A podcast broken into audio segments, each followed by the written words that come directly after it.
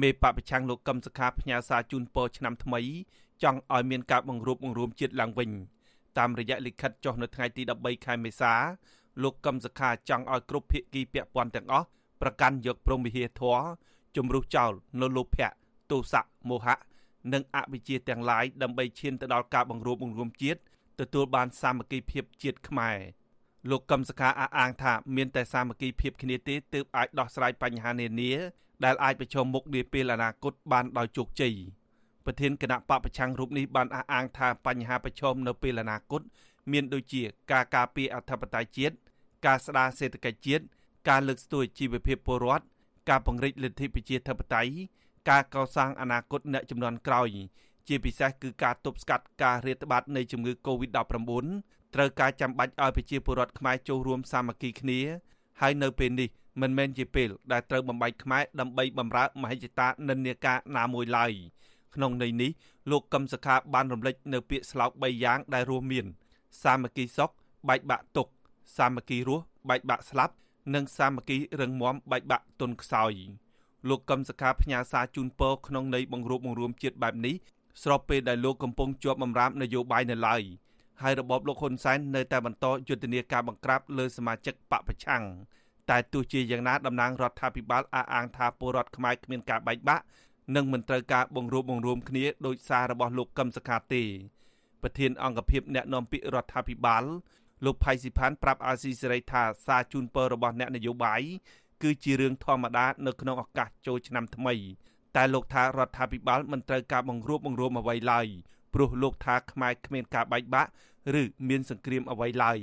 ខ្ញុំអត់ឃើញមានការបែកបាក់ទេខ្ញុំឃើញតែមនុស្សដែលរំលោភដោយច្បាប់មិនអនុវត្តច្បាប់តែប៉ុណ្្នឹងតាអត់មានបែកបាក់គ្នាទេបែកបាក់គ្នាបាញ់គ្នាពេញស្រុកហើយគាត់តែមានមនុស្សពីប្រភពប្រភេទមួយគឺមនុស្សរំលោភច្បាប់ប្រហែលជា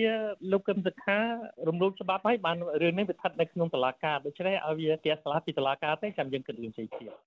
លោកនាយករដ្ឋមន្ត្រីហ៊ុនសែនបានចេញសារអបអរឆ្នាំថ្មីរួចហើយកាលពីសប្តាហ៍មុន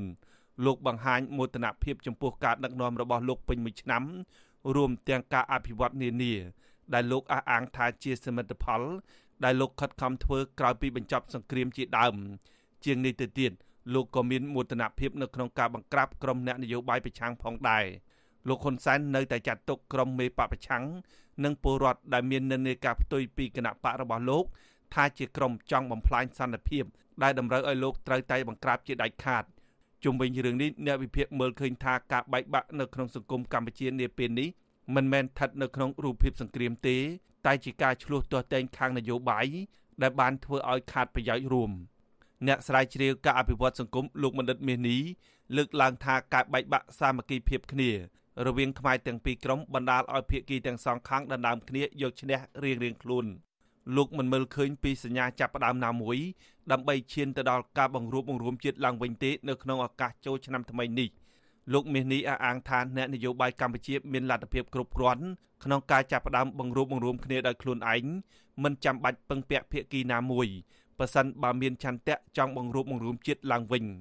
មិនទាន់ឃើញមានសញ្ញាណាមួយដែលនឹងអាចមានការបង្រួបបង្រួមជាតិទេហើយការបែកបាក់របស់ខ្មែរយ៉ាងនេះមែនទែនទៅវាមិនមែនទៅមានសម័យឥឡូវវាច្រើនចំនួនមកហើយណាតាំងពីក្រោយសម័យអង្គរមកហើយរហូតមកដល់ថ្ងៃនេះក៏យើងនៅតែទាស់តែងគ្នាខ្មែរគ្នាឯងដដែលទេគឺមិនទាន់ចប់ទេគ្រាន់តែយើងមិនមានការលើកអាវុធដើម្បីសម្លាប់គ្នាទៅវិញទៅមកក៏ប៉ុន្តែការយកព្រៀបផ្នែកនយោបាយនេះគឺការគម្រាមការចាប់ខ្លួនអីគឺនៅតែមានបន្តទៀតរវាងគូបដិបកនយោបាយខ្មែរ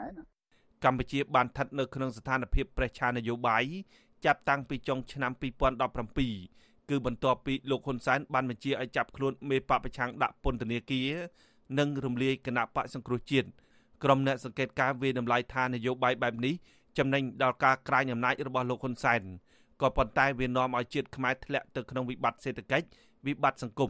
និងវិបត្តិនយោបាយធ្ងន់ធ្ងររ៉ាំរ៉ៃទៅវិញទេខ្ញុំបាទហេងរស្មី អាស៊ីសេរីពីរដ្ឋធានី Washington